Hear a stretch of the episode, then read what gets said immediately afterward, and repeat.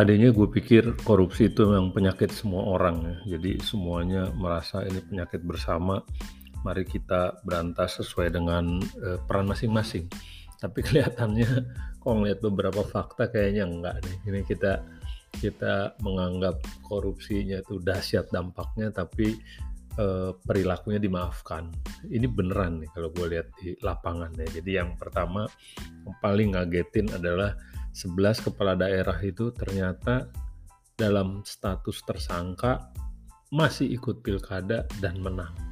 Jadi dia biasanya lagi mau ikut pilkada ada kasus itu udah gitu udah disidik ditetapkanlah statusnya tersangka dan menang. Aturan bilang kalau dia menang ya udah tetap aja menang gitu hanya karena tersangka nggak boleh jadi kepala daerah dilantik di penjara gitu lima menit kemudian non aktif jadi wakilnya yang naik gitu tapi bingung kan kita ya udah udah tersangka udah jelas gitu. Masyarakat denger dia tuh ada kasusnya. Entah terbukti apa enggak nantilah di pengadilan. Tapi kan nggak mungkin dong ada yang cerita dia korupsi kalau nggak ada kejadian ya gitu kan. Jadi kenapa nggak langsung nggak usah dipilih aja sih gitu. Kalau satu dua daerah eh oke okay lah gitu. Sebelas. Jadi bukan dikit. Kalau dibilang di daerah pendidikan rendah nggak juga di Jawa juga ada gitu yang pendidikannya relatif lebih baik gitu misalnya. Jadi sebenarnya bukan masalah pendidikan, masalah masyarakat nggak peduli kalau kepala daerahnya itu sebenarnya gitu. Sebenarnya diragukan kejujurannya nggak peduli dia. Pokoknya gue mau milih milih.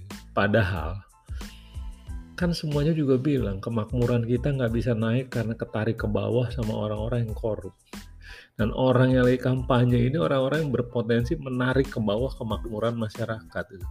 Tapi kok yang masyarakat masih pilih ya, gitu. jadi itu benar-benar uh, susah diterangkan gitu ya. Jadi tetap me memutuskan untuk dipimpin oleh orang-orang yang berpotensi menarik kemakmurannya ke bawah di 11 daerah. Nggak tahu nanti nambah lagi kayak apa gitu.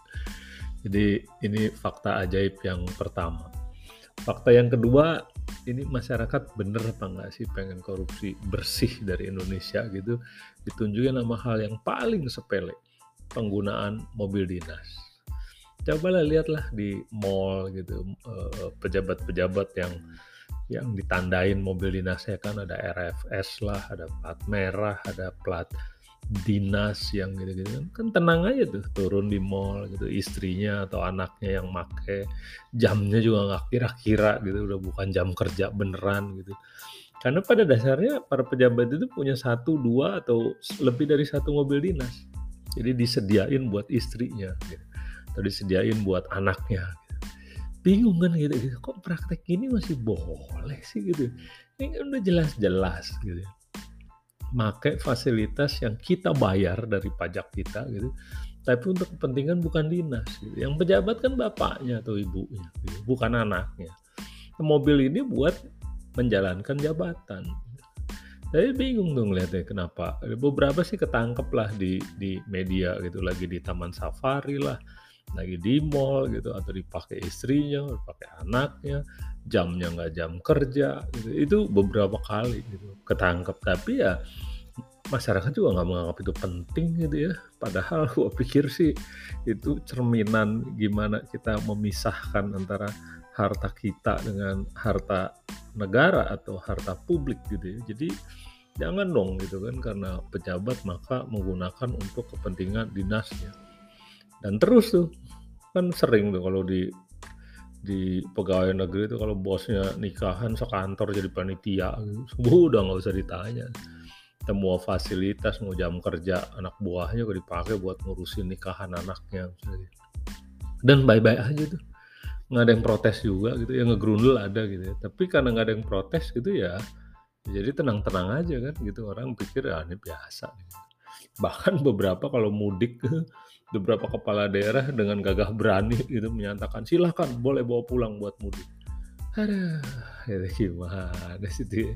Silahkan bawa pulang buat mudik. Jadi kita pikir emang kayaknya masyarakat juga dipertontonkan hal yang salah dan karena udah sering dianggap ya udah begitulah gitu ya.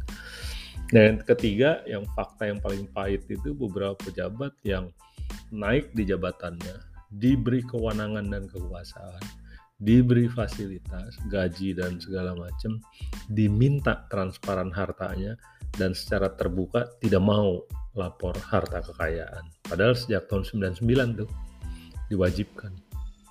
Jadi sesudah reformasi kan semangat untuk anti korupsinya tinggi. Salah satu yang dipikir adalah harusnya pejabat negara ini harus melaporkan hartanya.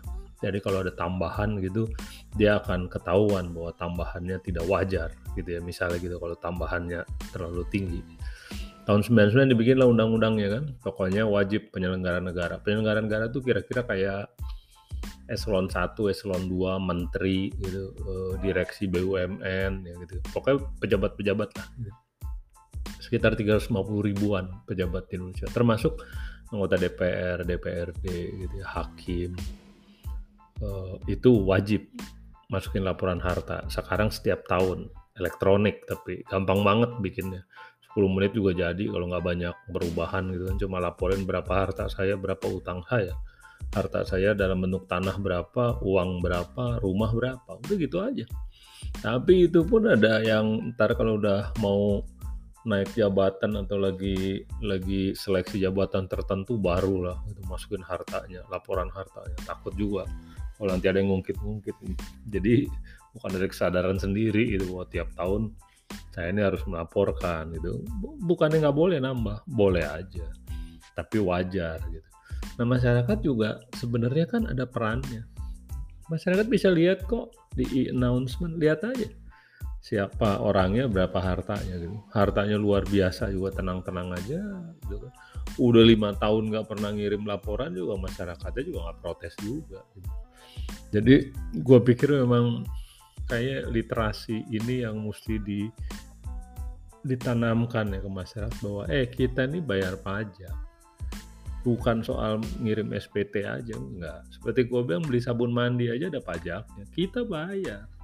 Beli sampo ada pajaknya kita bayar. Nah itu dikumpulin negara buat membayar para pejabat-pejabat ini kasih mereka wewenang kasih kekuasaan kasih fasilitas kasih pendapatan kasih rumah mobil segala macam kan? Sana diminta coba transparan. Nggak mau. Ada aja alasannya gitu. Kok bingung makanya? Dan udah dia nggak mau masyarakatnya tidak mendorong. Tidak mendorong. Jadi sekali sekali media ngeluarin gitu. si ini nggak masukin udah tiga tahun.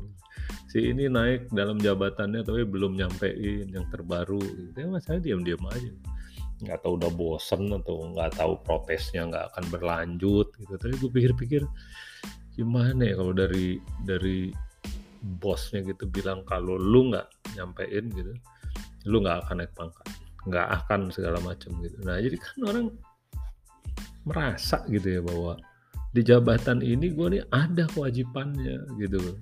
Dikasih semuanya itu ada kewajibannya yang kayak gitu-gitu. Nah masyarakat gue pikir di tiga poin ini kok tenang-tenang aja gitu. Jadi gue pikir-pikir emang kita ini pemaaf ya. Kita maafkan tapi kita ingin korupsi pergi hanya kita maafkan kalau ada. Jadi bingung kan gitu kan. Pengen itu musuh pergi tapi sekarang ada di depan pun tidak diusir pergi. Ya dimaafkan aja gitu. Jadi ya semoga deh. Semoga nanti berubah gitu. Pelan-pelan masyarakat lebih lebih agresif gitu mendorong pejabat-pejabat yang menyalahgunakan fasilitas pejabat yang udah jelas gitu jadi tersangka tapi mau menduduki jabatan gitu. apalagi yang udah duduk tapi nggak mau transparan soal hartanya semoga